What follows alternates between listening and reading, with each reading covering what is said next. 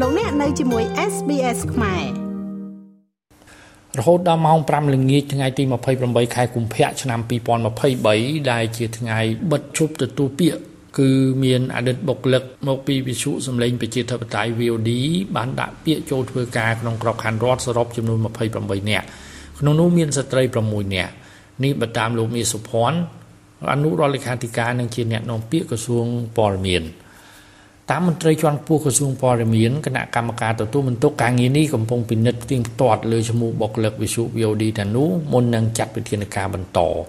សូមជម្រាបថាក្រសួងព័ត៌មានកាលពីថ្ងៃទី13ខែកុម្ភៈឆ្នាំ2023បានសម្រេចលុបអាជ្ញាប័ណ្ណការផ្សាយរបស់មជ្ឈមណ្ឌលកម្ពុជាដើម្បីប្រព័ន្ធផ្សព្វផ្សាយឯករាជ្យ CCIM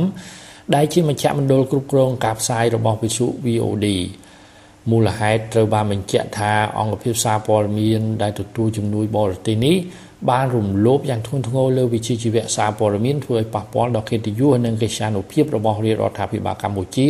ហើយមិនព្រមធ្វើការកែសម្រួលតាមបទបញ្ញត្តិច្បាប់ស្តីពីរបបសារព័ត៌មានឡើយ។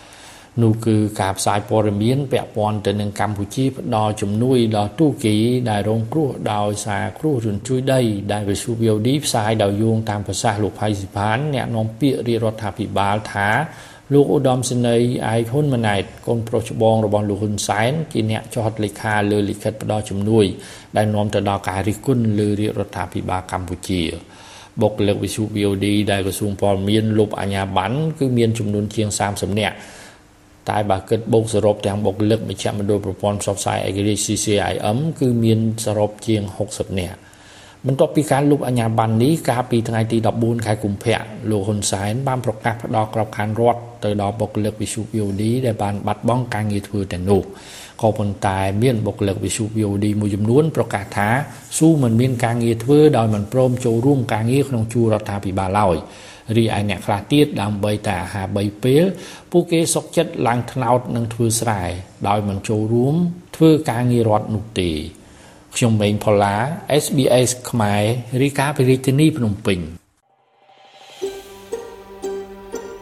ចង់ស្ដាប់រឿងរ៉ាវបែបនេះបន្ថែមទៀតទេ